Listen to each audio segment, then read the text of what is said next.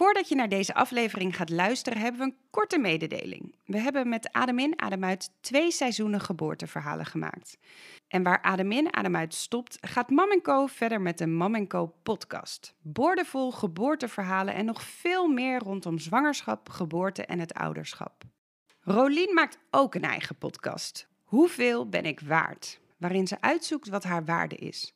Check ons op Instagram, at en at Hoeveel ben ik waard de podcast. En vind ons op je favoriete podcastplatform. Veel luisterplezier! Adem in, adem uit. Een podcast over werelds grootste wonder, de geboorte. Met aan tafel bedenker, vragensteller, parttime stewardess en moeder van wel drie jongens, Rolien. En met mij, Aline. Ik ben verloskundige en founder van Mam Co. De plek om je samen met je partner voor te bereiden op de geboorte. En nee, dit is geen geitenwolle sokken maar een toffe zwangerschapscursus gegeven door verloskundigen. Sinds dit jaar ben ik moeder van Kobe. En dit vrolijke mannetje heeft van mijn vriend René een hele leuke papa gemaakt. René zit ook bij ons aan tafel. Hij is onze regisseur, middelmatige grappenmaker en hij zorgt voor de nodige structuur aan tafel. Aan de hand van bijzondere gasten vertellen we verhalen van bevruchting tot en met bevalling. En alles komt langs. De ontmoeting, de kinderwens, seks, zwangerschapskwaaltjes, die grote dag, maar ook de overgang naar het jonge ouderschap. Vandaag het verhaal van Emmy. Na een mentaal zware zwangerschap had de Nijmeegse nog altijd een vurige kinderwens. Maar wat als je relatie stuk loopt en je niet meer de allerjongste bent? Emmy is eerlijk, openhartig en taboe doorbrekend in dit verhaal van Adem in, Adem uit. Zal ik hem weer openen? Jij moet hem altijd openen. Ik weet, Altijd. ik ben er niet meer zo goed in hoor. Ah, joh, ik lig er ook weer Hup, even pak uit. Nou, welkom aan tafel, Dank je. Amy. Emmy. Emmy, oh ja, hier. dan ga hoppatee. Hoppa. Take twee. Emmen. Take 2. E- De- Em- nee, ja, Emmy, E- nu weet ik het wel. Amy. Ik weet ook niet hoe ik aan Amy kom. Emma. Emma, Ik corrigeer je wel eens. precies. Nee hoor, welkom Amy. Nee. Bij... Emmy. Oh, Emmy. Nee, Rolien. Kom op, je kan het. Nou, welkom Dank je. bij Adem in, Adem uit. Ja. Wie ben jij? Ja, ik, ik weet je naam nu inmiddels wel. Ja. Na drie keer oefenen. vier Ja. keer. Maar kan jij het? eh, Ja, ik ben eh, Emmy en ik ben 40 jaar. En ik eh, kom uit Nijmegen. Ik ben juf. Ik heb eh, drie dagen in de week een, eh, een groep kinderen. 31, groep 7, 8 kinderen. Ehm, ja, heel veel. Nou, ja. Heel leuk, maar heel veel. En pubers. Ja, ja. Ik zei vandaag nog, ze ruiken ook zo lekker. Ja. Ja, heel fijn. en ehm, nou, ik eh, wil graag mijn verhaal vertellen. Ja, te gek. Ja, Hoe, hoe kwam dat? Hoe, hoe ging je dat doen? Nou, een vriendin van mij, nou ja, ik weer via via, maar die appte mij. "Eh, Heb je deze podcast al gehoord? Eh, adem in, adem uit. Dus ik dacht, nou, gaan we eens even luisteren. Zwanger, eh, helemaal vol van dat soort verhalen. Bevallen met op eh, net. Oh ja. wat is het ook alweer? ja, TLC. TLC. Al allemaal gekeken, dus ik had een craving voor nog meer. Ga je dan naar heel veel kijken Ja, en zo? ja, ja. Vroeger had je gewoon nog dat soort programma's. de dat je bevalling. dat ook full frontal kon Ja. zien en zo. Dat vond ik echt jammer dat dat Ja. niet meer is. Ja, Maar, is niet meer, nee. Nou goed, dus ik was, eh, ik ben gaan kijken of gaan luisteren. En ehm, toen kwam het ook heel eh, plezierig op de fiets en eh, tijdens het koken. En ehm, nou, toen werd ik eigenlijk wel heel enthousiast. En toen vroeg jullie elke keer aan het einde, heb je nog een leuk verhaal? Mail ons dan. Dus toen zei ik tegen iemand, zal ik dat doen? ja, waarom eigenlijk niet? Dus ehm, toen ja, heb ik het super. gedaan. Zo Ja. geschieden. Zit Zo je aan de geschieden, ja, op eh, Ja. donderdagavond. Ja, Ja. want jouw Ja. mail die viel wel op, want er kwam wel een eh, flink lijstje aan eh, ervaring voorbij. Ja, dat was een lange lijst en dan was Ja. het nog niet compleet. Kun je nagaan. eh. Nou, Want, eh, want waar begint het een beetje? Waar begint jouw verhaal met, met de eerste? Want je hebt twee kindjes, maar we beginnen even bij de ja, eerste. we beginnen bij de eerste. Dat is eh, ehm, begonnen in 2012. Eh, ik en mijn toenmalige vriend wilden heel graag een kindje. We wisten al dat het eh, lastig zou worden, medisch gezien omdat hij als kind al geopereerd was. En ze altijd al tegen hem hadden gezegd... waarschijnlijk hebben we wat doorgeknipt... wat niet helemaal eh, wenselijk is. Echt? Ja, maar per ongeluk of... ja per ongeluk. Bij een, een ingreep ergens anders voor? Ja, nou, daar zal ik niet helemaal over uitweiden. Maar echt, had dus nogal veel veel in zijn lichaam gebeurd, eh, Medisch, na- ja. medisch. En heel klein al van allerlei operaties gehad. Ah, dus eh, ze hebben heel veel dingen gedaan die ze achteraf wellicht niet hadden moeten doen. Ach. Mhm. Dus we wisten dat. En ehm, waren al bij urologie in het Radboud eh, Nijmegen ziekenhuis. En ehm, toen was eigenlijk de eerste stap, laat je zaad controleren. Dat hebben we toen gedaan. Ik moest er van de week nog aan denken. Eh, dus we werden, we werden eigenlijk doorgestuurd naar, ehm, in plaats van ja, de gynaecologie voortplanting. Dat zat dan op de Fertiliteit. Fertiliteit. Ja. Dat was in het Radboud heel vervelend, want dan had je dus gynaecologie en dan moest je zo'n hekje door. Zo'n kinderspeelhekje, weet je wel, voor de trap. ja. Ja. En dan moest je een trapje af en dan kwam je dus bij de moeilijke gevallen Oh. afdeling. Dan via de gynaecologie, Ja. dus via de dikke Ja, en- buiken, Ja, moest je naar de fertiliteitspolie. Ja, en dan zag je die vrouwen daar zwanger zitten en dan moest niet jij... goed over Nee, nagedacht. daar heb ik ook nog een brief over gestuurd overigens. Hebben ze nooit iets mee gedaan. Maar, eh, nou, eh, Radboud ziekenhuis, ja, ik bij hoop deze. dat ze het nu... Ja. Je moest eens weten hoeveel mensen deze podcast luisteren. Nou ja, er was nog wel een achteringang, maar dat wist je pas als je er eh, eenmaal bezig was. Maar Ja. eh, ik vond het nogal pijnlijk. Ja. Maar goed, toen eh, zaad laten testen en daar was geen, geen, zat geen zaad in, in de zaadlozing. Dus toen hebben we weer een gesprek gehad bij urologie. En toen zeiden ze, ja, er is eigenlijk maar één oplossing, of een mogelijkheid. En dat is een these. En ze doen dan, dat doen ze eigenlijk alleen in Radboud en in het AMC. Toenertijd in ieder geval. En wat ze doen is, ze halen een stukje weefsel uit de teelbal. Dat wordt als het ware gewoon uit je bal gehaald. En dat leggen ze onder een microscoop en dan kijken ze of er, of er zaad in is. Het zijn eigenlijk, ja, die bal die werkt als, als soort opslag. Hè? En dan heb je dus Ja. een gedeelte wat, nou ja, rijp zaad is. En dat, dat komt dan eh, bij het ejaculeren eh, naar buiten. Maar er is ook zaad wat zich dus al aan het klaarmaken is om te komen. En dat eh, groeit dan in een bepaald aantal dagen. Ik weet niet precies hoeveel dat is. Maar nou, dat zaad hebben ze dus eruit gehaald. Onder de microscoop. Eh, na een uur kreeg je dan uitslag. Hij had natuurlijk narcose gehad, dus eh lagen op zijn uitslaapkamer. En ehm, toen kwamen ze met het nieuws dat ze tien zaadcellen hadden gevonden. Is dat goed of niet? Dat is echt heel weinig. Oh, Ik Ja. wil zeggen, dat is te gek, toch? maar dat ja, is we waren heel blij. We waren heel blij met tien. Maar tien is echt natuurlijk heel weinig. Want wat doen ze? Ze gaan dat invriezen.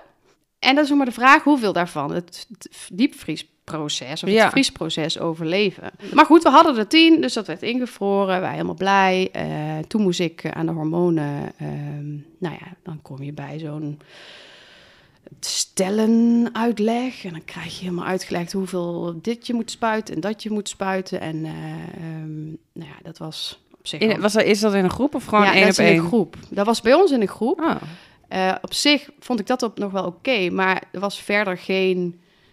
dan denk je, oh, dan ga je iets aan elkaar hebben misschien ook of Ja. zo. Dat dan weer helemaal niet. oh, jammer. Dat is Nee. niet gezellig, zeg maar. Nee, nee, nee, Nee. nee. Ja, en ook, weet je, het was best wel veel medische termen. En eh, mijn, mijn vriend toen, eh, die, wij zijn overigens uit elkaar nu. Dat is misschien wel, ik heb het heet het over hem in het verleden. Maar ehm, hij is zelf verpleegkundige. En niet zozeer in, de, in het ziekenhuis, maar in, in de psychiatrie. Maar had dus best wel veel al vanuit de opleiding en zo. Ook over hoeveel van dit en dit. En dan moet je dat eh, spuiten en optrekken en hoe dat dan allemaal werkt. En toch voor hem was het ook nog heel erg moeilijk. Dus Ja.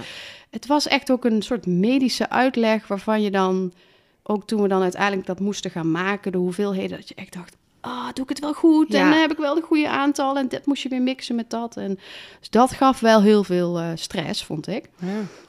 Nou goed, eh, dan moet je wachten tot je menstruatie en dan mag je op een gegeven moment eh, bellen. En ja, dan ga je dan maar beginnen met dit en dan met dat. En En dat is allemaal hormonen. ja, en in die buik Ja, in- en ja. hetzelfde tijdstip. En eh, En, en wat voor techniek kiezen ze dan? Weet je dat op dat moment al? eh, daarna bedoel je? Ja, in het vervolg? Ja, eh, ze- het is sowieso als je zaad ingevroren is geweest, eh IVF-ICSI. Oh ja. Dus de, de ICSI is dat, dat ze de zaadcel in de eicel brengen, Ja. kunstmatig, of met ja, op mensenhanden eigenlijk. Ja. Hè? Ja. Ehm, omdat dat zaad absoluut niet sterk genoeg is om te zwemmen.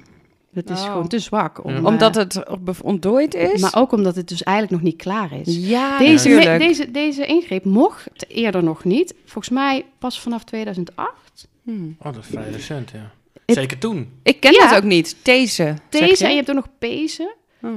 Het heeft dan weer te maken met waar zet zaad, welk gedeelte van de bal Oké. ze dat eruit halen, volgens mij. Ja. Eh, nee, het was eerst in België heel veel, eh, deden ze het wel. In Nederland mocht het gewoon niet, omdat het ethisch niet... eh, Oh. Het is eigenlijk manipulatie. Want het zaad is nog niet Rijp. rijp genoeg. Ja.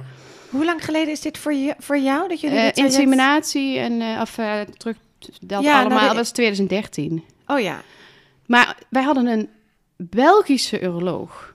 En die eh, wist ook al, die had het ook zelf al heel veel in België gedaan. Dus dit- daarom hadden ook alleen Radboud en, en eh, hier in Amsterdam eh, een soort van status om dat te mogen doen. Ik weet niet of dat nu nog zo is, maar ja, toen de wat meer christelijke partijen aan de macht Oh ja, waren, natuurlijk, ja. mocht dat niet. Nee. Dus ik was heel blij dat dat in die periode wel mocht. Ja. En toen moesten we naar het ziekenhuis komen eh, en toen zouden ze bij mij eh, de eitjes oogsten. Dus uit de eileider de eitjes eh, halen. Ja. En het zaad zou ontdooid worden en dan zouden ze weten hoeveel zaadcellen er nou ja, nog zouden leven. Dus eh, wij gingen naar het ziekenhuis en eh, dat eh, oogsten van die eitjes was eigenlijk relatief snel en makkelijk. viel allemaal wel mee. Maar toen moesten we natuurlijk wachten op de uitslag van hoeveel zaadcellen er zouden zijn. Nou, dat was echt een uur, denk ik. Weet eigenlijk niet meer precies hoe lang het duurde, maar ik vond het hel. In zo'n kamertje in het ziekenhuis. En ja, ik dacht echt, hier hangt gewoon mijn hele toekomst Oh, ja. vanaf, weet je wel. En ehm, nou, uiteindelijk kwamen ze, toen hadden ze vier zaadcellen die nog het proces hadden door, ja, overleefd. Ja, Ja. ja, eigenlijk wel, ja. Dus ik had 13 goede eicellen en vier zaadcellen. En toen was de optie een acute nieuwe these. Dus een, een, een weerweefsel uit de teelbal halen. Mag je drie keer Want- doen. Oh. Want vier is niet goed. Nou ja, vier. Dan heb je dus, kun je vier eitjes eh, insemineren. Of hè, dus het, het, het Oh ja, want dat was... ICSI-stuk. Ja, oké. Ja, want Eh, insemineren heet het niet. Je, Maar. je weet wel, met, met een druppel zaad hoeveel miljoenen daarin kunnen zitten. Maar die zijn natuurlijk dan gerijpt, dus het is logisch Ja. dat er meer in zit. Dus als je tien uit een stukje eh Ja, en daar nog maar haalt, is vier. het natuurlijk in principe mega Maar- weinig. Als in een Jawel, druppeltje kunnen al er miljoenen zitten. die het al, die dan de- vriezer hebben overleefd. En dan, Ja. dan zou je toch zeggen, hup, die plakken we aan elkaar Ja, die- en die zetten we warm en die doen we meteen bij jou terug. Dat zijn dan vier Nee, nee, nee, want er moet nog een Oh. embryo ontstaan, hè? Oh, Dus wat je doen is, ze gaan uit... Nee, we hadden dus de optie, want het is wel, in, wel een goede toevoeging nog. De optie was, we doen nou acute these, dus dan niet onder narcose. Voor de mannen is dit echt een heel fijn verhaal. maar gewoon onder een eh, narcose, zo in de balzak een spuitje, op een gewone afdeling waar ook gewoon ander onderzoek is. Ja. Nou, mijn vriend werd helemaal gek natuurlijk. dat doet pijn. Dat doet Ja, pijn. Ze pakken gewoon een hap uit je bal, Ja, hè? dat was Zonder echt- verdoving. Alleen plaatselijke, plaatselijke verdoving. verdoving. En nou ja, het was natuurlijk allemaal al... Die had de vorige operatie al best wel veel eh littekenweefsel. Ja. En je mag het drie keer doen, want je krijgt een testosteronprobleem. Dus je, Jeetje, dit is echt niet niks, nee, hè? dat is niet Nee. niks. Ik kende dit totaal niet. Ik ook niet. Deze.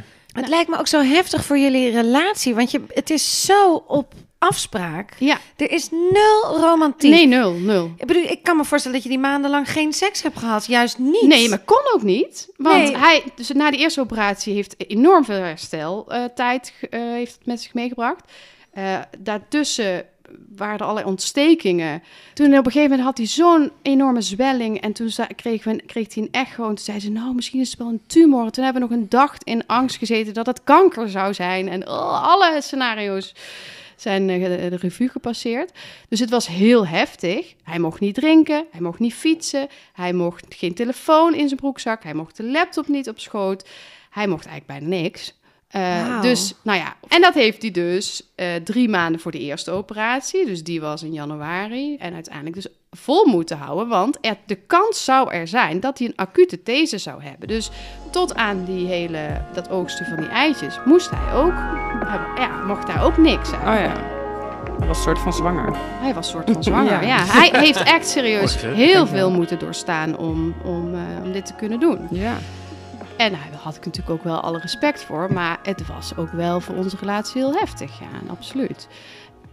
Dus, ehm, nou, die acute these zouden we doen. Er waren vier zaadcellen, er waren dertien eh eicellen. En dan na een uur zouden we dan horen weer eh, of er eh, zaad uit, die, eh, uit, uit dat weefsel, of daar zaad in zat. En er zat niks in. god, dat meen je niet. Ja. Jee. Dat Helemaal was nul. helemaal Nee. nul. Oh. Dat was de grootste teleurstelling. Oh, eh, ja. ja, toen zijn we echt dus, ja, alsof de wereld gewoon instortte. Want Ja. ze zouden wel al die, die vier zaadcellen in die vier eicellen brengen. En dan moest je wachten.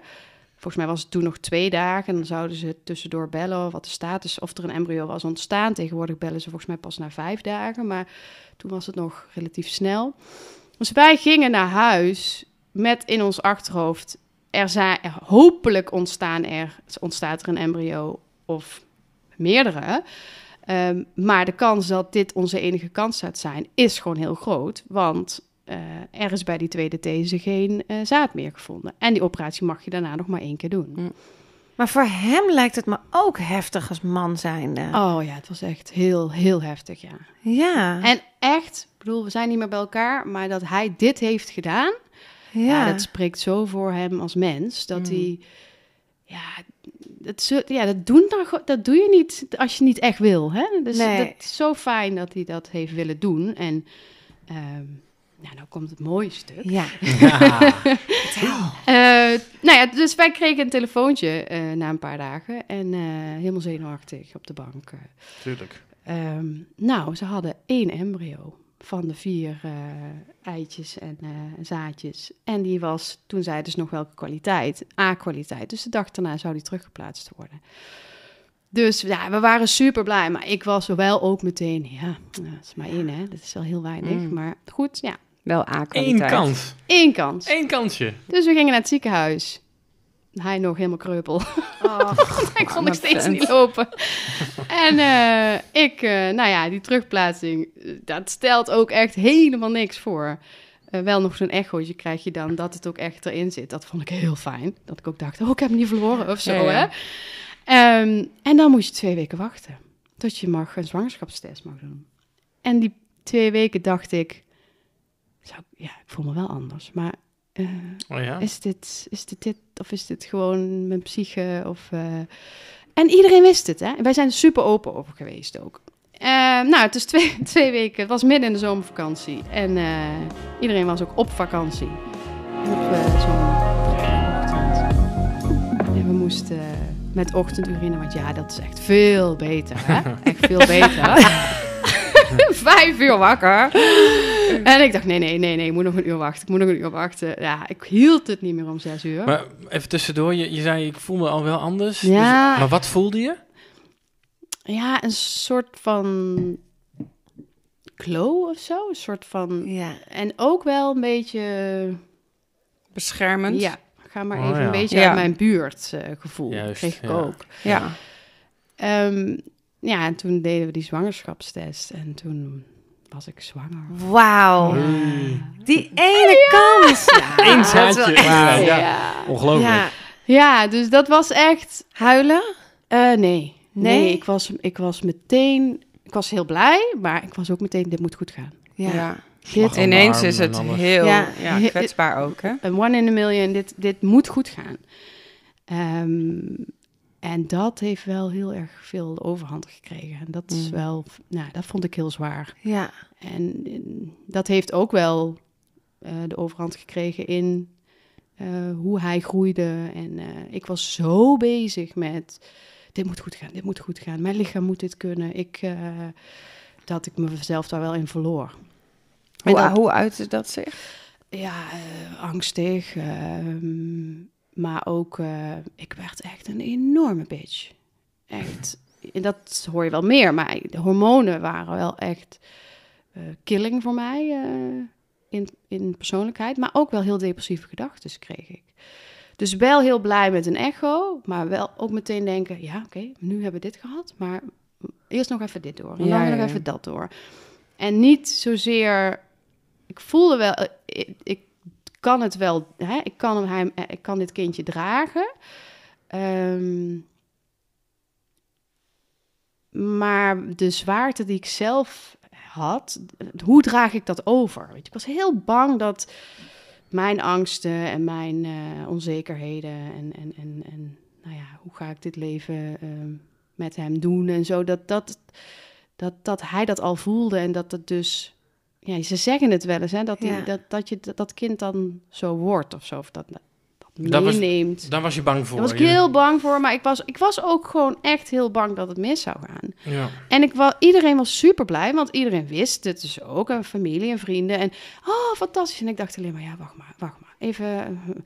Dus mensen konden mij ook niet helemaal volgen van, ja, maar waar is, waarom ben je niet euforisch? En wa- wat maakt dat je zo behouden was ik echt eh, daarin. De hele zwangerschap? Eh, nee, ja, ik... Het eerste stuk tot, tot 16 weken, denk ik, had ik het heel erg. En toen waren we een weekendje naar eh, Stockholm geweest. Een vriendin van mij woonde daar. Het was echt verschrikkelijk. Ik vond, ik vond het echt verschrikkelijk daar. Ik voelde me kut en ik, eh, ik was helemaal niet leuk. En toen kwam ik terug en toen zei ik tegen, tegen mijn vriend van... Ik moet, echt, ik moet echt hulp gaan zoeken. Dit is gewoon niet goed. En ik moet ook minder gaan werken. Ik werkte toen als directeur op een basisschool. Ja. Dus ik had ook heel veel verantwoordelijkheid. Hard werken. Heel hard Ja. werken. Heel veel avonden werkte ik ook. Dus ik was helemaal kapot. Maar ook dat is een enorme drempel, want je gaat naar de psychiatrieafdeling van Ja. het ziekenhuis. Ja. Met een buik. Met Dus je een voelt buik. je heel kwetsbaar. Ja, ja maar je, maar je, je had dus wel door dat je er zo aan toe was, dat je dacht van, ik moet daar eh, Ja. eh, hulp zoeken zoals je het Nou, dat werd ook wel heel duidelijk door mijn partner. Ja? Ja, die was wel... En de, en de verloskundige die was ook zo van, joh, tuurlijk. En dan heb je misschien twee gesprekken. Doe dit gewoon. Ja, dus zeker. doe het ook echt. Ja. Ja, ja. Maar het is natuurlijk heel erg normaal als je zwanger bent dat iedereen een beetje verwacht dat je heel blij bent. Want Ja. het is toch gelukt Ja. en het gaat toch goed Ja. en het groeit toch, want we zien het aan je buik. Ja. Maar niemand weet wat er natuurlijk wel in je hoofd. Nee, en, en ik denk ook hormonen kunnen bij de ene persoon misschien Ja. jou heel blij maken, maar de andere, en Ja. ik heb dat nu wel gemerkt, ik ben gewoon niet op mijn best. Nee. Psychisch gezien, als ik zwanger ben. Nee, dat hoor je best wel veel, maar daar wordt dan weer niet echt over gesproken. Dus het is best wel goed dat je dit zegt. Ja, en ik heb ook daarna heel erg gedacht, wat? Wat doen wij elkaar dan soms ook aan als Ja. vrouwen? Waarom maken we dat? Waarom zeggen we dit niet gewoon? Het Ja. is zo Ja. belangrijk dat je dit mag voelen. Precies. Maar kan je dan nog een keertje een beetje beschrijven wat je dan voelde in je hoofd? Of wat, er, wat je echt, wat je gedachten waren? Of, Ja, negatief. Echt eh, somber. eh, Ja. heel, ook heel veel verdriet van het verleden wat, wat terugkwam. En eh, ehm, ja, vooral ook heel bang van... kan ik wel bieden wat, wat een moeder moet bieden? En als ik gewoon oké ben, dan ben ik redelijk overtuigd van mezelf. ja, heerlijk. Dus ja, eh, Ja. ja. dat is ook heel gek voor mij om dat dan zo te voelen. Dus ja, de, de hulp heeft mij ook, de, hè, de, de, de, de, de poppolie was het ook, heeft het daar ook heel erg over gegaan. Zo van ja, maar dit is een periode waarin je je gewoon soms je anders voelt. En dat mag. Dus het omarmen van die, moeilijk, die moeites en het, nou, de zwaarte die daar ook bij komt, dat dat dus mag. En dat heeft mij heel erg geholpen. Eh, daarnaast was het zo dat ehm, mijn, mijn zoontje niet goe- goed groeide. Eh, dus bij eh 20 weken was hij veel te klein. Mm. Ehm, en ik wist wel dat dat ook wel te maken had. Voelde aan alles. Het is mijn stress die hij voelt. Mhm. En hij groeit gewoon niet goed. En toen hadden we 30 weken. Want als je bij 20 weken te klein of, of er iets is, krijg je extra groeiecho's. Oh ja. Dus bij 30 weken zei, zeiden ze in het ziekenhuis: jij moet acuut stoppen met werken. Dat ga je niet uit jezelf doen. Dat gaan we je nu opleggen. Ehm, nou was ik heel blij met dat Ja, deed. snap ik ook. Dus, ja. Dus ik zei ook tegen mijn werkgever: ja, moet stoppen. Hè, voor Ziekenhuis zegt verloskundige. Ja, het Ja. ziekenhuis zegt het. Ja, Ja. het mag Maar echt waarom niet. vinden wij vrouwen dit zo lastig? Weet je, er is toch een soort van ding, ja, maar ik moet toch gewoon dit en ik kan Ja, dit toch gewoon. En je zit jezelf ook gewoon, wat stel je niet zo aan, hè, hup, hup, hup. Dat, dat hebben, hebben denk ik wel meer vrouwen. ja, dat Dus, bedoel ik. Maar dat vind ik soms zo... Dat is wel... En helemaal in de zwangerschap vind ik dat wel heel heftig. Ik ben ook heel erg opgevoed met.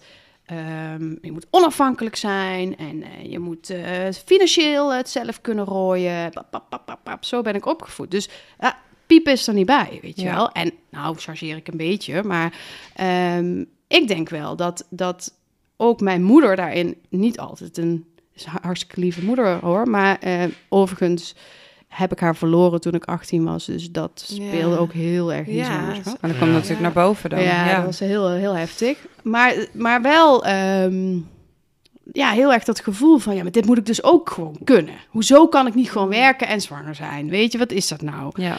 Dus toen de verloskundige dat zei, was ik echt, nou, ik, ik heb haar volgens mij gekust. eh, zo blij was Ah. ik met Ja. haar. Bizar hè, dat dan, omdat iemand anders zegt, dat Ja. het je dan wel lukt. Ja. Terwijl je eigenlijk doe je het zelf. Nee, en iedereen in omge- mijn omgeving zei het ook al. Maar het was toch fijn dat zij het zei. Ja. Maar wat is er bekend over de relatie tussen het groeien van een, een foetus en stress en eh, ja, psychische klachten zoals jij had? Wat is daarover bekend? Nou, als je stress hebt, dan is er eh, verminderde bloedcirculatie naar de baby en in- door de placenta. Dus dan krijgt de baby simpelweg minder zuurstof. Ja. Als je met vakantie gaat bijvoorbeeld, zie je heel vaak dat je buik ineens gaat groeien. Dus als mensen eh, een drukke baan hebben en stress hebben, dan ja, is dit wel het advies. Rustig aan. Dus, dus jij had ineens verlof. Oh ja, maar toen dacht ik, ik moet iets gaan doen waardoor ik uit mijn hoofd ga en rust kan nemen. Ja. Want anders ga ik toch weer allerlei dingen doen. Dus ik zat, heb heel lang zitten denken, van, wat gaat dat nou zijn? En toen ben ik gaan borduren. Oh, Ja, echt gewoon. je begon al te lachen. Ik dacht, oké, nu gaat er wat, eh, nu Ja. gaat er wat komen. Dat mensen echt zeiden, huh? Borduren? Jij? Borduren, dat doe is je dat toch... nog steeds dat nu? is toch... Eh, Nee, ja, ik heb het wel heel lange tijd nog gedaan. Van die geboortetegels. Oh, die tegels. Is super mindful en je krijgt, hebt een resultaat. Dat vind Ja. ik heel fijn, dat je iets maakt. Ja. Maar goed, dus dat hielp heel erg om ja, thuis ook de rust te kunnen vinden. En toen heb ik eigenlijk tien hele fijne weken, of negen hele fijne weken gehad. En toen hoefde ik, ben ik ook niet meer, dan heb ik het traject bij de poppolie ook afgesloten. En toen ging het eigenlijk heel goed. En bij 39 weken en een dag ehm, begonnen de weeën. En ehm, Had je wensen? Hoe, je het, hoe jullie de bevalling wouden gaan doen? ja, ik wilde heel graag in het ziekenhuis. En ik dacht, dit gaat mijn e- enige kindje worden. Dus ik wilde, en top, gewoon, ik wilde gewoon geen pijn. En ik wilde gewoon een toffe ervaring hebben. En ik dacht, doe mij maar een rugprik. Ook overigens iets wat ik best wel van geschrokken ben, hoe toch negatief daarover gesproken wordt. eh, Ja. onderling ook, onder vrouwen. Van, oh, heb jij een ruggenprik Ja. gedaan? Oh, Ja, dan heb je het niet helemaal gedaan. Nee, zo. nee, dan ben je geen echte vrouw als je dat... eh, Ik heb ook nog de ziekte van Crohn, dus ik heb een buikoperatie gehad. Een stuk darm bij mij verwijderd. En dus ik moest ook medisch eh, in het ziekenhuis. Had jij minder last van jouw ziekte ja, van ik Crohn? had top. Ik had geen medicijnen. Ja. Ik was helemaal... eh, Ja, Door de hormonen? Ja, Ja. is bij Crohn is het zo dat of het wordt heel slecht, of het wordt juist dat, je, dat het helemaal stopt eh, hè, voor in de zwangerschap. helemaal... Dat is ook bizar Ja, dat is Ja. heel gek. Maar goed, die... eh, ja, daar ben je begonnen. Ja, Ja, en toen... eh, ziekenhuis, ruggenprik, toffe ervaring. Ja, nou ja, ik heb wel eh, de persweeën die bleven uit. Of in ieder geval, ik voelde ze niet goed. Dus ik moest op ratio persen. En dat vond ik wel heel moeilijk. Ehm, en mijn zoontje had het dus ook heel zwaar. En eh, die hebben ze uiteindelijk met een vacuüm eh, moeten verlossen. Waar ik op dat moment eigenlijk helemaal niet zo heel erg van onder de indruk was. Ja, er kwamen op een gegeven moment allemaal van die witte jassen binnen en die namen over. Maar pas later, echt wel maanden later, dat ik me realiseerde... Oh, dit is eigenlijk best heftig eh, wat er dan gebeurt. Vooral dit, die enorme kracht die ze dan op dat hoofdje van het kindje zetten. Ja, het is ook vooral dat je zelf ook wel hard moet persen hoor. Als je zo'n vacuüm hebt, er komt natuurlijk wel kracht op, maar ze mogen niet keihard in principe gaan trekken, want ja, dat, dat, dan kun je ook dingen kapot trekken. Dus je moet echt Moet wel gaan persen, dus je zet het op jouw kracht, zeg maar. Wordt dat meegetrokken? Eh, maar toen werd hij gewogen en toen was hij maar eh 2615 gram. Mm. En ehm, ja, dat was dysmatuur. Dus eh dysmatuur is wel voor het dragen, maar te licht. Te klein. ja. Dus ik moest, eh, we moesten blijven. En eh, ik wilde borstvoeding geven. Nou, dat had hij echt de energie niet voor. En ik uiteindelijk ook niet. Dus eh, ja, echt in zo'n zo'n cupje, als een Oh, ja. poesje, likte die zo Ja, die voeding eh, eruit. Super Ja. schattig. Maar hij had heel veel moeite met het eh, op temperatuur houden. En, eh, want we zijn een paar dagen moeten blijven. En toen dat op een gegeven moment beter ging en we ook flesvoeding zijn gaan geven. Om, hij moest gewoon, hij viel maar Ja. af en af en af. Moest eten. hij natuurlijk. moest eten, ja. En eh, We moeten nog even terug naar de... Eén klein momentje terug. Die pomp die wordt geplaatst. En hoe snel gaat het dan? oh, eh, pff, eh, ik denk eh, een minuut, twee Oh, minuten. Echt super snel. gaat heel snel. Altijd zo? Ja. Dat zetten ze erop? ja, ze zetten een cupje, zeg maar. Een soort van siliconen cupje is het, geloof ik. Die zetten ze op het hoofdje van de baby, dus in de vagina. En het hoofdje zit vaak echt nog wel wat dieper in de vagina. En die zetten ze op het eh, hoofdje en daar zetten ze dan spanning op. En dan, zodra er een week komt, moet je als vrouw heel hard persen. En dan trekken, ze een, beetje, mee. als het ware. Dus dat je het dubbele Ah, ja. kracht hebt. En dat heeft soms net eventjes die power om de Maar ik baby heb het idee dat het misschien twee persweeën zijn Ja, geweest. kan heel goed. Is Zo. heel vaak zo. Het is ongeveer maximaal vijf tracties. Ja. Ja, Ja. hij had vervolgens wel zo'n alienhoofd. Oh, ja. ja. Maar daar gaat een mutsje overheen. Ja, dat is heel fijn. Ja. Maar, de, gaat een mutsje Dat zie je dan toch niet meer? Ja. ja, maar dat heeft heeft heel lang Ja? geduurd. Echt heel lang. Ik zou heel lang een mutsje op laten. Ik heb nog steeds altijd een pet op.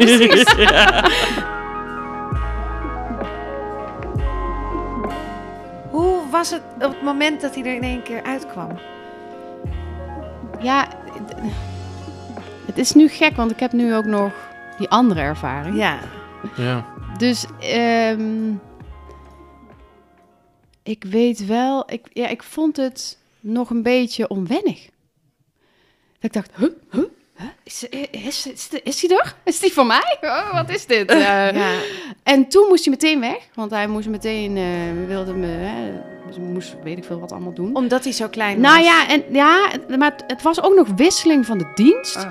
Dus het duurde relatief lang voordat ze hem goed ingepakt hadden. En ik zat dacht alleen maar, hij heeft koud, hij heeft koud. Hij, hij moet meer over hem heen. Dus ik zat eigenlijk nog wel een beetje in, mijn, in die zorg. Ik was nog niet helemaal eh, ontspannen Nee. en relaxed. eh. En hoe was jouw, jouw ex dan? Maar hoe was dat dan? Want hij had toch wel ook een hele zwangerschap doorstaan. ja, En Bij jou mij. doorstaan. ja. ja. ja, het was heel ontspannen en er voor mij. En ja, eigenlijk was het een hele goede tijd voor ons. Ja, nou Ja. fijn. En hoe vond je het dan om hem te zien? Want ineens was daar zijn baby. Oh, ik was knetterverliefd. Ja? Oh, dat hoorde ik jullie al eerder zeggen. Ja. Ja. het is echt zo. Ja, Maar je kunt ook verliefd worden op iemand waar je geen relatie meer hebt. absoluut. Is dit het bruggetje? Ja, Oh, ja, ja. bruggetje maken. Wow. Mooi. Ja, Ja, dat is echt eh, heel bijzonder. Ja. Je- als je, Was, hij, was, eh, was het een eh, dokter in de ruimte? nee, helaas. jij, want we hebben het ook de hele tijd over je ex. Ja, de, De vader van Felix. vader van Felix en ik zijn uit elkaar Ja. gegaan. Eh, nadat Felix eh, bijna vier jaar was. Ehm, en dat, eh, nou ja, zoals dat gaat met de relaties, is dat heel moeilijk en heel pijnlijk. Ja. En eh, ook super moeilijk om dat te doen. Dat kwam vanuit mij, omdat ik, ik ben zelf ook een kind van gescheiden ouders. En dat wil je gewoon niet. Nee. Je wilt het niet. En, ehm, maar ja, je weet ook dat het niet goed is om hiermee door te gaan. Nee.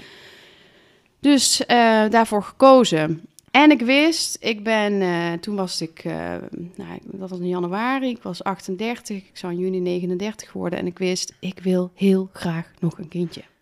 Want dat wist je meteen Ja, nadat Felix eruit ja, kwam eigenlijk ja, stiekem. Ik Ja. wist dat, ik wist gewoon, we hebben ook nog wel een derde these gedaan.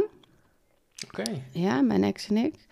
Eh, na een hele lange tijd. Ehm, daar kwam weer niks uit. Dus toen was het ook goed. Toen hebben we wel nog over gehad van zullen we nog op een andere manier. En hij zei nee, ik ben zo blij dat ik een kind van mezelf heb. Dat ik, ik kan het niet. Ik wil niet van iemand anders een kind. En dat snapte ik heel Ja. goed. Maar dat betekende ook dat het voor mij... Ik kon het niet, ik kon het niet uitschakelen. Elke maand als ik ongesteld werd, dacht ik... weer eentje verloren Oh. het werd, ik werd gewoon helemaal bezeten van, die, van het gedachte. En dus, nou ja, met dat die relatie al, eh, nou ja, wel heel slecht ging en ehm, ik richting de 40 ging, dacht ik, ja, is ook een extra zetje om dat nu do- do- door te zetten. Ehm, want dan kan ik in ieder geval nog gaan zoeken naar wat mogelijkheden, wat mogelijk is om het in mijn eentje te doen. Kan je ons vertellen wat er dan in je hoofd omgaat? Wat ga, ga je dan op internet? Ja. Ga je dan... Ja? Ja, bizar.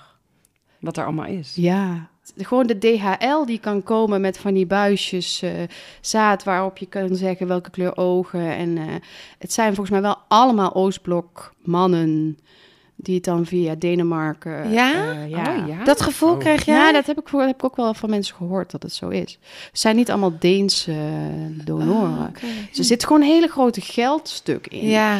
Dus toen ik dat las en ik zat ik er meer dan gewenst, heb ik op eh, die sites en al die advertenties en weer dacht ik, ja, ik wil eigenlijk heel graag een vader voor mijn kind, Ja. omdat ik zag hoe belangrijk dat is, Ja. dat er een vader is.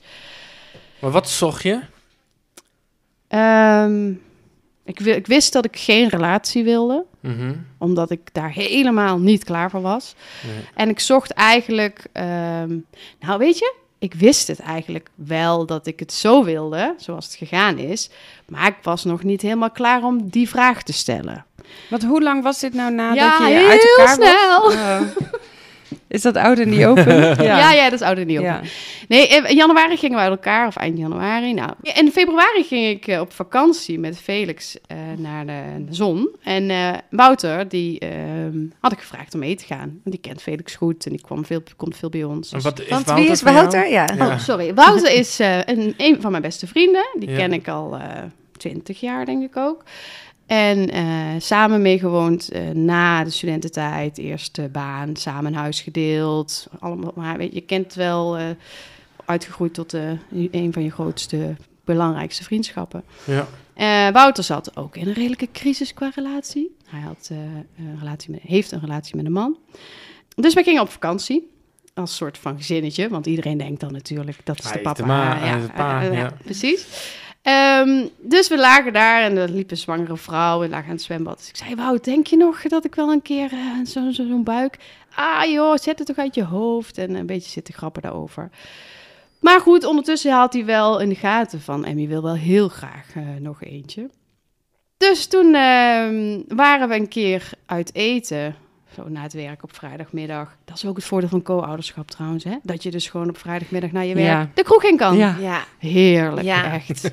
Dus eh, wij zaten, ik zat met een vriendin te eten, Wouter haakte aan, eh, nog, eh, de vriendin ging naar huis, wij gingen nog even koffie doen en we hadden de hele avond zitten grappen over de DHL die langs zou komen en hoe je jezelf dan zou insemineren. Waar, ja, je kunt je wel voorstellen met heel veel wijn en... eh en een vriendin van mij ging er helemaal los op, jongen. Die vond het echt fantastisch, alsof ze het zelf gingen doen, weet je wel. Allemaal honderd jaar bij dezelfde en eh, vele grotere kinderen, Ja. die vonden het helemaal interessant.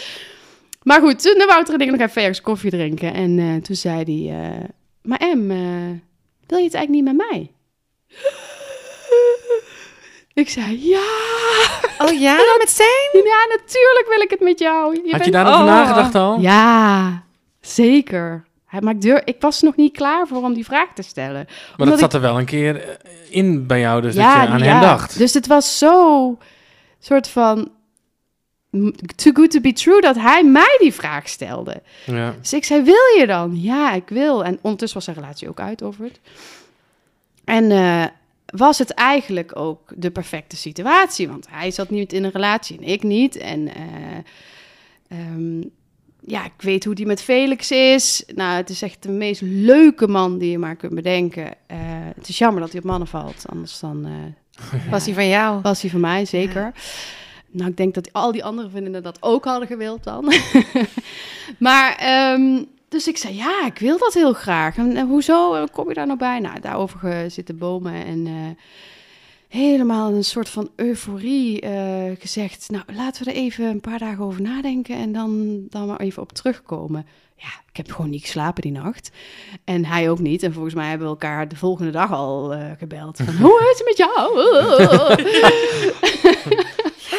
en uiteindelijk, ehm, ja, eh, toch echt serieus. Van ja, maar weet je, wat betekent het dan? En hoe zie jij dat dan? En, ehm, en toen zeiden ja, laten we het maar doen. Het is, ja, dit is gewoon zoals het moet. En toen zei ik, maar ik wil wel even dat je zo'n test doet eh, van de kruidvat. Eh, je hebt allemaal van die online testen. Of je ja, allerlei testen kun je, dingen kun je testen. Ja, je hè? Ziektes testen. en... eh, Voor de man. Oh, of je geen Oh, SOA's zo- hebt. Nee, nee, dat, eh, dat eh, wist was ik al. al. Daar hadden Ja. we al, eh, waren we al achter Ja, dat dat ja, allemaal ja. goed was. Nee, of die, eh, of die goed zaad had. Dus Oh. je kunt gewoon zo'n test zelf doen. Hè? Of Echt? je, ja, Oh, dit is Mooi, hele man. nieuwe info ja zelfs mij. gewoon bij de kruidvat, hè? Nou, ik denk dat halen? heel veel mannen nu zullen denken... oh, dat ga ik een keer doen. Dan weet ik in ieder geval dat ik vruchtbaar ben. Nou, Oh. zou het je afraden. Oh. Dan haal, ga je een, een soort zwangerschapstest voor mannen. Ja. Het is Hè? echt te vergelijken, ja. Is het voor jullie ook zo? Ik ben helemaal... Oh, oké. Ja, ja, maar je hebt ook eh, of je psoriasis hebt. Of, ja, ik weet het niet, hè. Dat soort Ja. heb je ook Ja. allemaal van dat soort Ja. testen voor. De kruidvat is ook een rare winkel, Ja. hè, jongens. Überhaupt hebben ze altijd van die kleine Volgens mij is dat gangpaadjes. komt omdat het ook van Chinezen is. Om, eh, die, die Rotterdamse eh, comedian, Patrick Laurij, dat is, dat is echt een fantastische sketch daarover. Doe maar even. Ja, daar heeft hij het over. Je komt binnen, je, je, je, je struikelt eerst over een, eh, over een pallet Capri Sun. En eh, daarnaast staan de kruimeldieven in de aanbieding en eh, de deodorant ernaast. Nee, dat is de blokker. Oh, de blokker is dat. Oh, ja. Het magazijn is ook hetzelfde als de winkel, dus geen eh, verschil. Waar is dat bij de blokker? En de kruidvat. Ja. Oké, de- de- maar... eh, ja, dus die test. Dus Van die test. Dus ik zei, ja. eh, koop even zo'n testje, dan weten we niet. Want ik had natuurlijk het verhaal met, eh, met mijn ex en al dat. eh, de, Ja. Ik wilde in ieder geval weten dat hij vruchtbaar was. Ja. Dus hij koopt online, niet bij de kruidvat, want dan vond hij te gênant om eh, naar de kruidvat eh, te gaan. Dus hij ging die test online bestellen. Toen was die test niet goed. Of niet goed. Hij wist het niet helemaal zeker. Hij belde me op. Ja, die test, ik snap niet helemaal. Ik heb er nog één besteld. Er nog één doen alsof dat dan wel werkt. Was ook niet goed. Ik zei, ja, kut, kut. Dadelijk is het niet eh, goed en dan eh, zijn we een jaar bezig en dan... eh, ik zei, maak even met een lulsmoes een afspraak bij de huisarts en dan vraag even of hij het even wil testen. Dus hij met zijn hele mooie verhaal, eh, ja, we willen toch even weten. En, nou, doorverwijzing. Kreeg, kreeg zaadonderzoek in het ziekenhuis. Ehm, en kreeg ook op een gegeven moment die uitslag. En die uitslag was dus niet goed.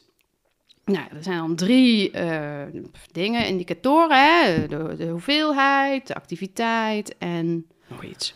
En die huisarts had dat dan gelezen. En ja, we kregen een doorverwijzing naar het eh, ziekenhuis voor eh, U- IUI. Nou, dan denk je, heb ik dit, toch? Godverdomme. Ja, Ja. doei. Ga je menen? Niet Ik- eerlijk. ondertussen met dat ziekenhuis bellen, want ik wilde natuurlijk niet op een of andere wachtlijst. Ik Ja. moet gewoon echt niet Wordt bang zijn. druk op die en gewoon druk erop zetten. Ja, Ja. precies. En eigenlijk, ehm, ja, is misschien niet heel handig om hier te zeggen, maar hebben we natuurlijk een beetje zitten liegen daar, want we wilden een beetje snel eh, vaart maken. Maar eh, kwamen op gesprek en toen zeiden ze, eh, wij gaan jullie niet in behandeling nemen, want het is een donorschap. Dus toen zeiden we, hoezo donorschap? We hebben Het een is- relatie. Nou ja, wij hebben een relatie. Eh, ja, maar eh, meneer is homoseksueel. Eh, hoezo? Waar staat dat? Ongemakkelijk. Ja, Die, ik denk dat die arts zich heel ongemakkelijk nee, voelde. het was voor verpleegkundige Oh. Rita. Onze Oh, Rita. werktitel was ook Rita geworden Ja, voor, ja. eh, voor onze dochter. Goed. dus moet je je voorstellen, eh, Wouter en ik zaten aan die tafel. Die, eh, Rita zat tegenover ons en die zegt dus... Nee, we gaan jullie niet in behandeling nemen, want ja, het is donorschap. Nou, wij gingen echt als twee wolven zo naar voren. Hoezo? Donorschap? Wij willen samen een kind. Ja, u bent homoseksueel.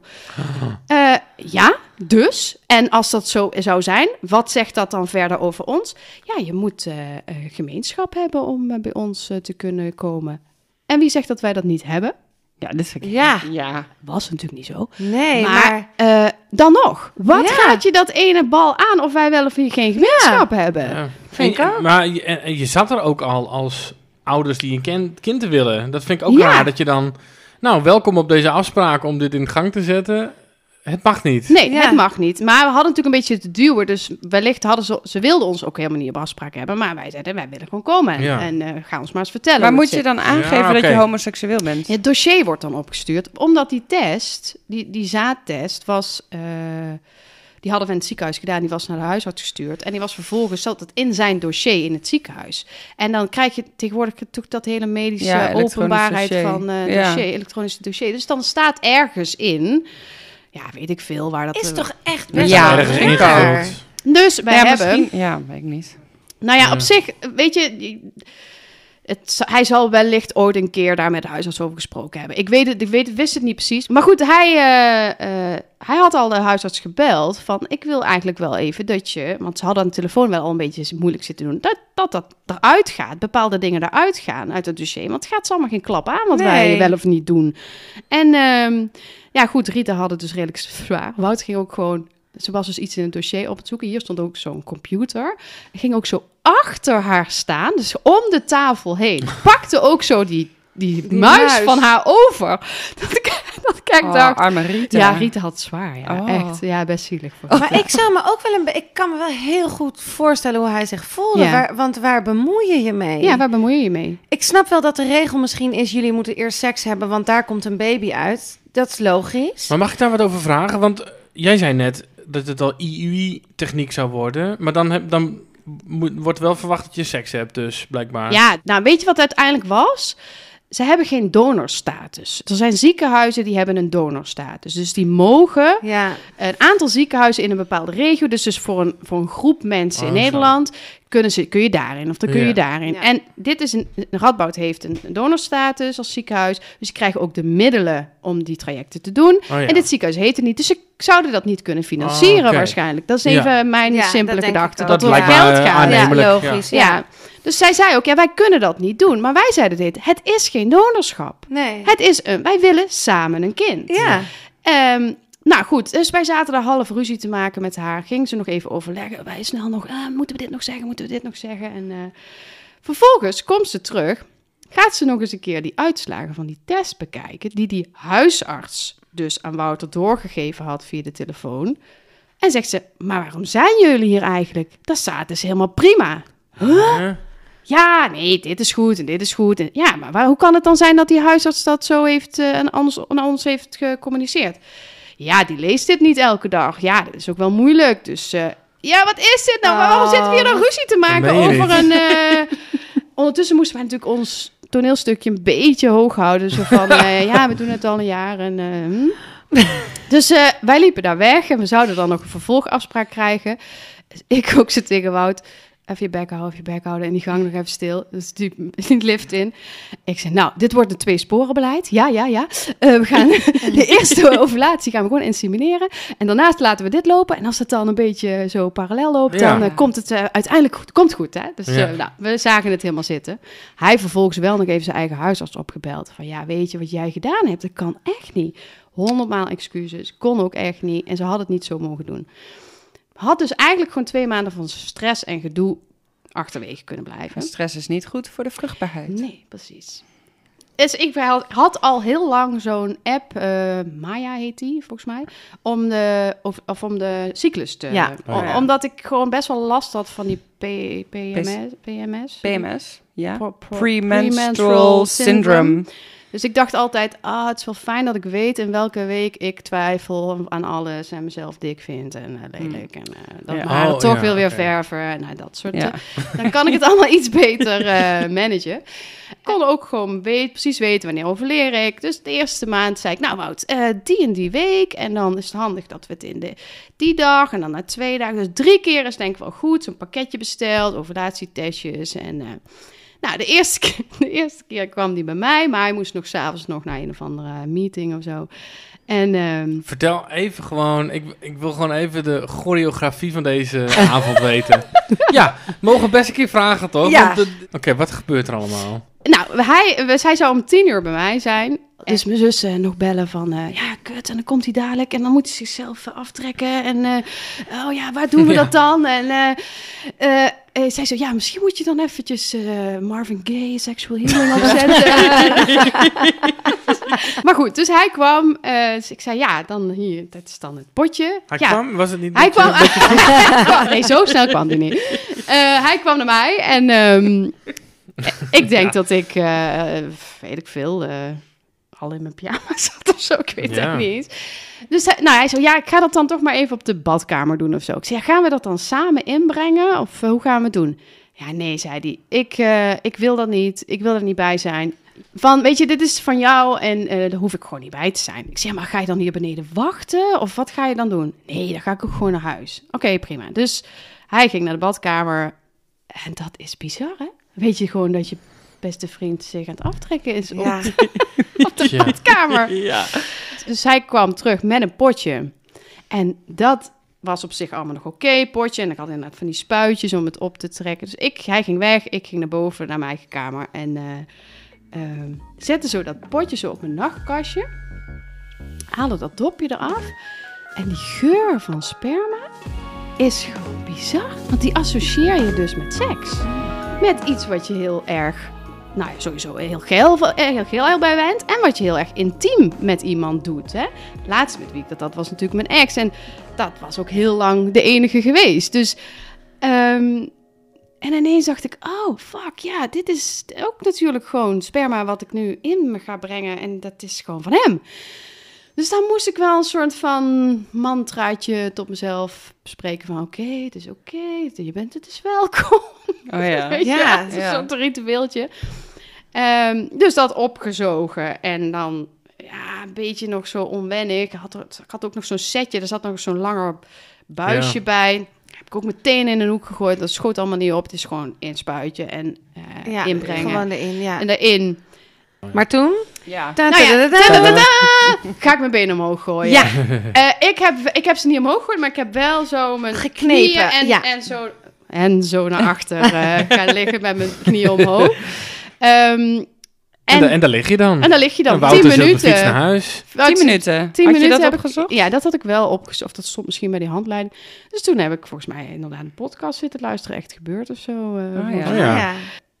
En toen dacht ik, ja, nu moet ik dan gewoon maar gaan slapen. Maar goed, dus dat was de eerste keer. De tweede keer was bij Wouter thuis. Ja, want Dat ik was was, niet dus niet zwanger. Nee, nee, nee, nee. Dat was de eerste keer insemineren. Oh ja, in dezelfde, in dezelfde dezelfde ovulatie. 24 uur. Oh ja. Ja, nou, dat is dus binnen vier dagen of zo. Ja, oké. Oh, jullie gingen echt... Jullie hadden een, je had gewoon een Nee, ja, schema. ja, dan moet je Ja, nee, kennen, hè? Pap, pap, pap. Ja? Ja. Ja, Ja, ja, die gingen dan zo. één keer thuis, één keer daar. Oh, ja, ja. Oké. Dus ik ging naar hem. Nou, hij zat net in een verhuizing, want het was met zijn ex uit. Dus lag ik daar ook zo op zo'n matrasje. met allemaal om me. Met een nieuw setje. Ja, met een nieuw setje. Nee, ja, inderdaad, Wouter Ja. weer. Nou, en de laatste keer was hij weer bij mij. Eh, en ik weet niet, maar toen dacht ik, maar nu ben ik echt goed. Nu ben ik echt rijp, weet je. Nu ben Ja. ik in mijn ovulatie volgens mij echt op mijn top. Ja. Dus, eh, en toen was ik ook iets meer gewend aan het feit dat je dat dan doet. Dus kon ik al die, die zwaarte een beetje laten. Ja, doh, ik ga het inbrengen. Dat ik helemaal een soort van girl power. Ik ga het wel doen, hè.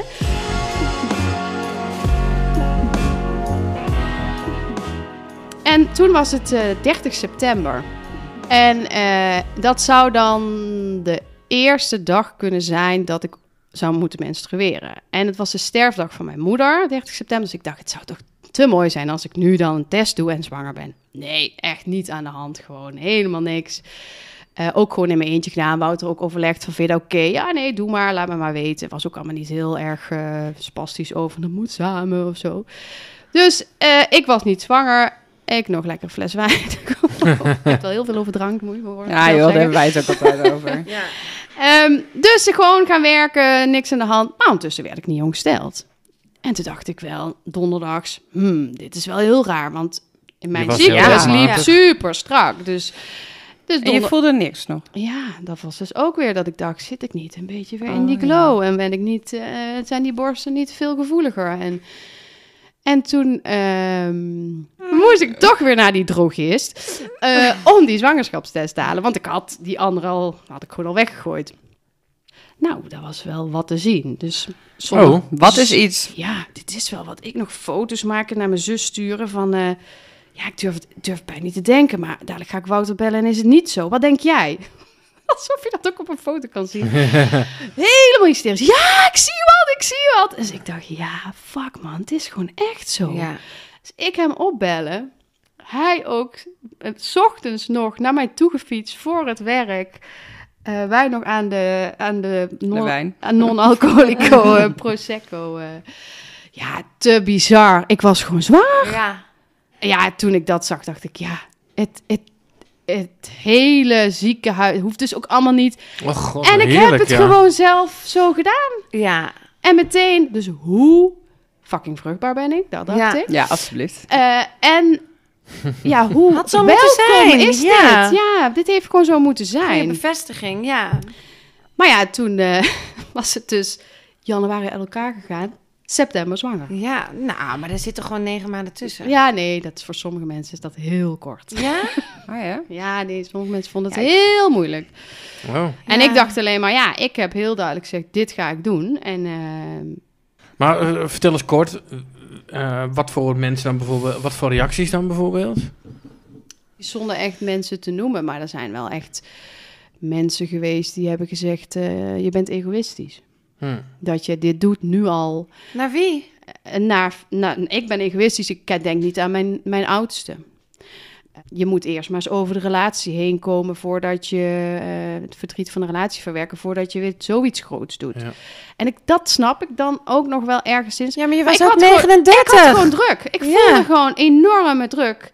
Ehm, En het is jouw leven. en het is Ja. mijn fucking Ja. leven. Ja, dus waar dat bemoei zou je Zet je op mee? met wat je allemaal vindt. Ja, Ja. boeit niet. Ja. En jij weet heus wel wat het beste voor Ja. jouw kind is. Nou, precies. Nou, en dat is heus wel een liefdevol zusje. Ja. Absoluut. Ik dacht ook, ik mag dus gewoon nog een keer moeder worden. En nu ook nog een moeder van Ja. een meisje. Ik dacht, oh, nu gaat, dit is, gaat het echt een toffe zwangerschap zijn. En Ja. ik had ook al die psychische klachten niet. En het, ik was wel moe, hè. Ja, die eerste twaalf weken ben je gewoon kapot. Maar ja, dat was eigenlijk ook allemaal redelijk peanuts vergeleken met eh, heel veel andere vrouwen, denk ik. En toen, nou, toen, het, Felix vertellen was natuurlijk al een hele bijzondere, bijzonder moment. Ehm, en die was, ja, tegen een vierjarige vertellen dat je over, ik was denk ik toen 15 weken zwanger of zo, eh, een, een zusje krijgt. Ja, dat wisten we toen nog niet. Maar, en met Wouter en zo, dat was natuurlijk best wel een ingewikkeld verhaal. Maar die was eigenlijk heel snel, heel normaal. En ja, voor die kinderen is het gewoon... Het is gewoon. Ja. Het, maakt, het, het gaat niet over hoe hoort het of Nee. wat ken ik. Nee. Of, dit is gewoon zo. En Wouter en, eh, eh, is voor hem eh, ja, de papa van Carlijn. En, Ja. en, en niks van mama in die zin van een, een relatie of wat dan ook. Dus nou, die was heel blij. Maar eh, mensen gingen er allemaal bijvoorbeeld op school van uit. Dat wisten ook niet dat we uit elkaar waren. Bijvoorbeeld van die ouders op het schoolplein, je kent het wel. Oh, wat leuk, jullie nog een tweede. Ja, mm, is eigenlijk niet van Oh, hem. En Ja. dan, Ja. oh, moet je dat gaan Awkward. uitleggen. Ja. En dan heb je ook, dat is ook heel gek, ik heb ook heel vaak de neiging om dan te vertellen dat het mijn beste vriend is en dat hij homoseksueel is. Ja, dat zou, dat Ja. zou ik ook doen, denk ik. Ja. Nee, maar ik kan me best voorstellen dat je zegt van... Ja, ik ben weer zwanger. Nee, het is niet van eh, de vader van de eerste. En- En het is een andere man en eh, hij valt op mannen. Ja. Ja, dan heb je het in eh, vijf zinnen... Ja, en dan gaat het zo, ting, ting, ting, die oortjes gaan dan Ja. klappen, denken ze? Ja, maar het blijft toch voor mensen die er niks van weten... blijft het toch een, een eh, bizar verhaal of zo. Dus ja, dan mag gewoon eh, zeggen hoe het is, toch? Ja, nou, en er zijn op zich wel veel meer verhalen, maar dan is het vaak twee vrouwen met een man of twee Ja. mannen met twee vrouwen. Dus het feit dat ik al een kind heb eh, met een andere man en dan nog dit doe, dat, is, dat gebeurt gewoon niet zoveel. Nee, Maar ik vind het zo normaal. Ja. Ik vind het ook. Dat ik denk, ja, tuurlijk. Ja.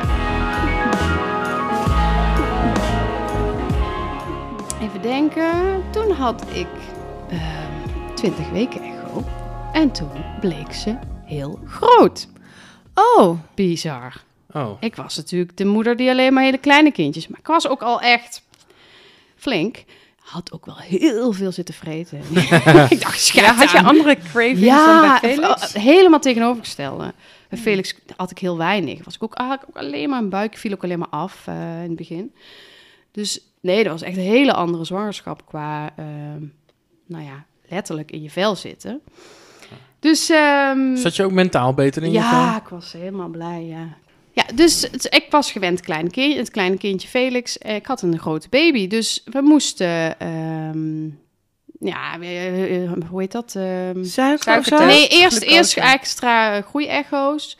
En toen uiteindelijk inderdaad die glucosetest. En dat was dan niet eh, extreem. Dus ik kon wel met een, dia met een dieet eh, het af. Maar er waren allerlei communicatiefouten over. En ik wilde eigenlijk onder begeleiding blijven bij de verloskundige. Maar dat mocht alweer niet. En het werd een soort en-en. Want ik wilde gewoon zo normaal mogelijk. En niet al die ziekenhuizen. Daar was ik helemaal klaar mee. Maar ja, het was al snel duidelijk dat dat gewoon niet, eh, niet aan de orde was.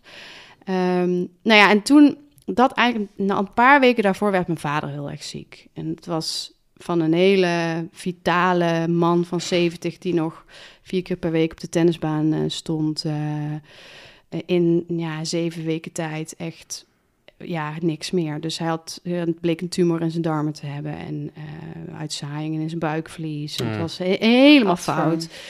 Dus dat was echt een turning point in de zwangerschap. Dus Carlijn was groot, mijn vader werd heel ziek. Ik kreeg daar toch wel heel veel stress van. Ook omdat eh, de partner eh, van mijn vader, waar die ook al heel lang bij was... Ja, wij, wij kregen gewoon helemaal geen ruimte om met hem te zijn... en met hem, eh, de- nou ja, dat, dat proces in te gaan. Dus dat was heel moeilijk. Ehm, en uiteindelijk is die eh, zeven weken later overleden. Ja. Wat snel. Ja, Zo. verschrikkelijk. Dus dat is nog steeds heel kort ja, geleden. dat was eh 18 april. Oh, Jeetje. jeetje. Dit jaar? Ja. Oh. Ja, het is echt... En ik was toen dus 32 weken zwanger. Ja. Wat intens, hè? Ja, en het was echt, ik, weet je, het, het, het gevoel van ik ga nu lekker zwangerschap en ik had een klas helemaal topklas en die kinderen waren helemaal, had ik helemaal meegenomen in het proces. Dus ik voelde ook een enorme verbinding met die groep en ja, en toen werd hij ziek en toen werd ik alleen maar voller en voller en ehm, ja, kreeg ik ook wel angst dat het met Carlijntje niet goed zou gaan en eh, nou, uiteindelijk dus de, die uitvaart en al die stress daaromheen. Ik heb wel ook gesproken in die uitvaart. Ik dacht, ik, ik ga daar met die Ja, dikke buik even Ja. daar een mooi verhaal houden. En Ja. mijn broer en zus samen dat stuk geschreven. En dan weg met Proud stond ik daar. eh, Wat goed. ja, dat was, Ja. dat was wel echt een soort van... eh, ja, gaf heel veel energie op Ja. dat moment. Ehm, maar ook heel snel van ja, ik moet nu de aandacht voor de zwangerschap weer. Eh, die diabetes ging eigenlijk wel oké. en ehm, maar ik voelde aan alles, ik ben gewoon kapot.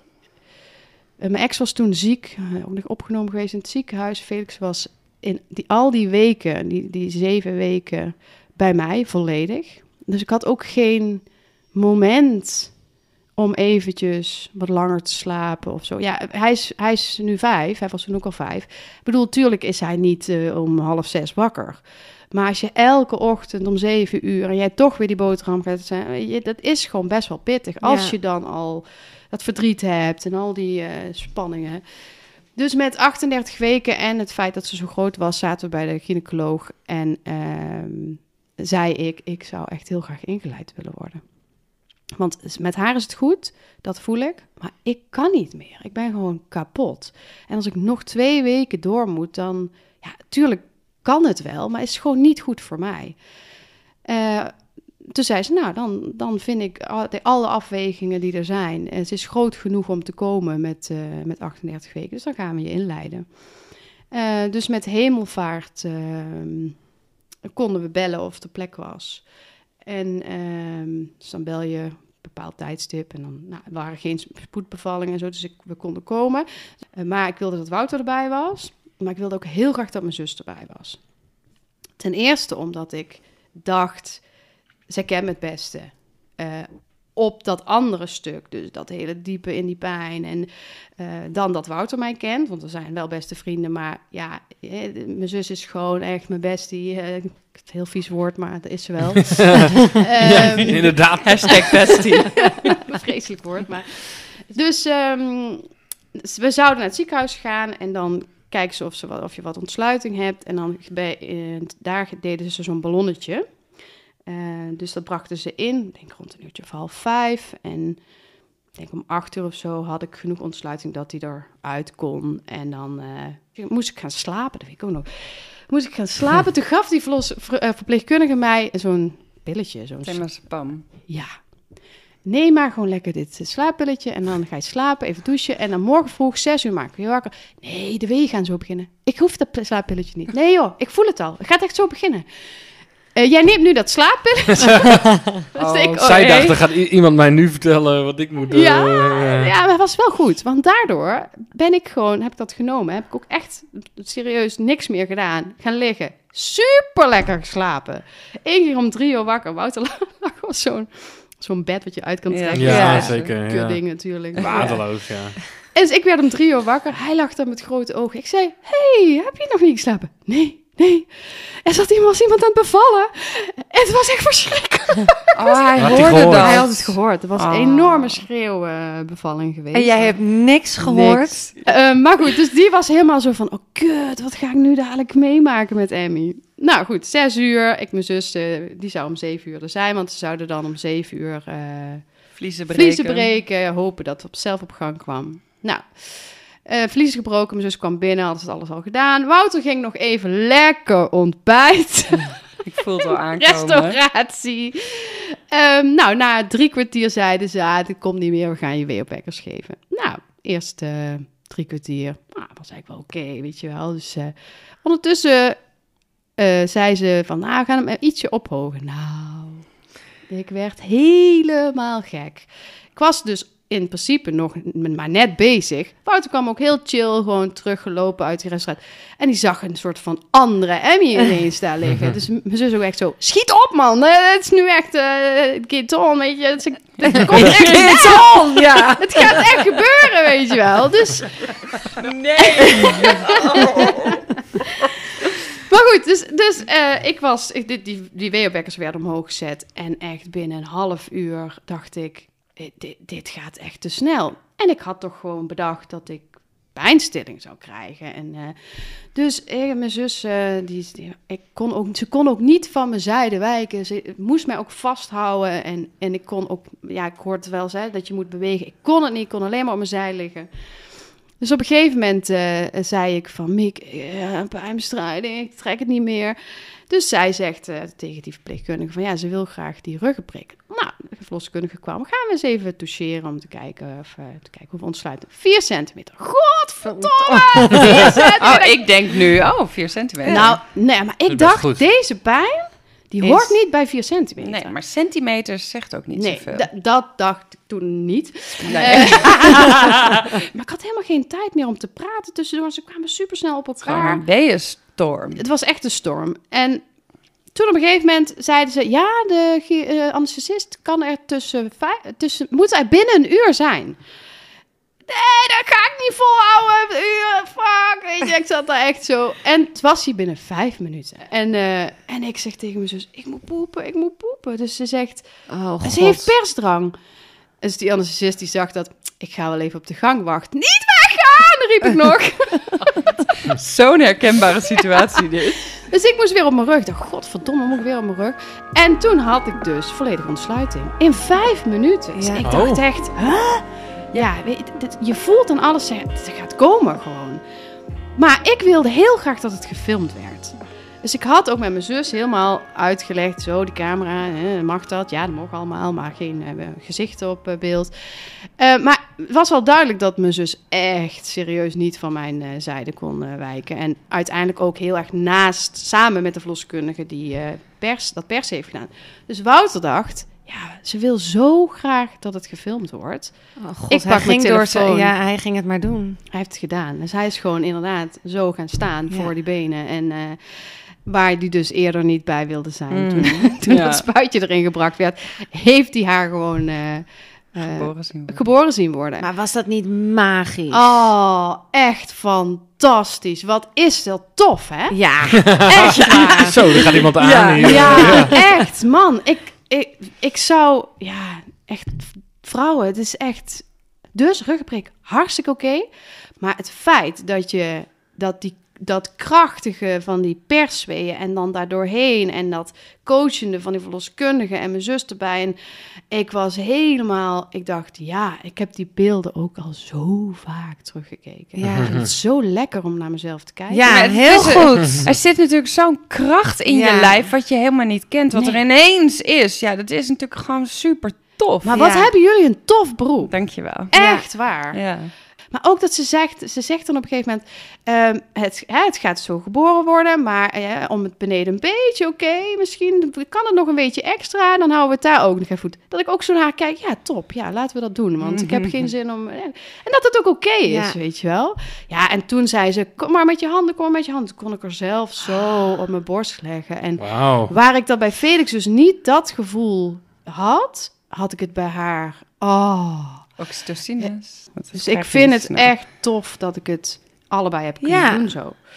En eh, ja, toen was ze er. En eh, toen... eh, En Wouter, Ja! huilen. Ja, die moest. Ja, dat weet ik eigenlijk niet zo goed. Ik weet het eigenlijk niet zo goed. Hij was wel. Ik kon hem niet zo goed om me heen. Op het, tijdens de bevalling trok ik hem slecht, moet ik heel eerlijk zeggen. Je had ook je zus Ja. bij, Ja, dat was he- echt Ja. super fijn. En eh, weet je, ze, op een gegeven moment stond de verloskundige en zij stonden allebei bij één been. eh, tijdens die persweeën. En eh, zij zat mij te coachen. En op een gegeven moment zeg ik ook... Ik weet niet zo goed naar wie ik moet luisteren, weet je. En- Maar ergens had ik ook heel, de hele tijd de focus op mijn zus. En, en die verloskundige zei, ga, met Mieke. Ook een soort van, zeg maar dit, doe maar dit, help er maar hiermee. Echt, die verloskundige ook, hoe waarde, nou hoe zeg je dat, vol waarde zijn mijn zus ook die plek gunde. Ja, dat vond ik zo mooi. Maar Wouter ook. En Wouter die, ook. na- die nam gewoon afstand en die Ja. ging filmen en die Ja. heeft jou helemaal je ding laten doen. Helemaal en ook super trots en blij. En eh, Je hebt twee mega complexe verhalen eigenlijk. Maar wat is het hoogtepunt van die twee verhalen? Ehm, nou, is misschien ook wel het feit dat ik heel erg gedaan heb wat ik voelde dat ik moest doen. Zonder heel vaak te weten waar je aan begint of wat je gaat doen. Je intuïtie zegt, dit wil ik, dit moet ik doen. En eh, dat is waar ik... eh, wat ik heel mooi vind eigenlijk in, in al deze verhalen, dat ik het wel gedaan heb. En het minst mooi? Het kutst? Het kutst. ehm, dat ook met dat ik het dus niet volgens, tussen aanhalingstekens, de traditionele manieren heb gedaan. eh, ik het ook wel heel graag met de liefde van mijn leven allemaal had willen doen. Oh ja. En dat is blijkbaar niet mijn pad. En dat is kut. Ja? Dat mag best af. Want je zou bijna ook kut in deze zin kunnen veranderen in dat is goed Prachtig of mooi. en of, goed, eh, ja, maar dat is ook kut. Ja. En dat mag. Waar ben je het meest trots op? Eh, op die twee eh, aapjes. Ja, op die super lieve Felix, die, die heel veel ehm, zachtheid brengt in mij, me losmaakt. Dus die mij de moeder maakt die niet heel snel wil, maar gewoon in het nu is. En op die eh Carlijn die de wereld nu al eh, helemaal met grote ogen en relaxedheid eh, aangaat. Daar ben ik super trots op.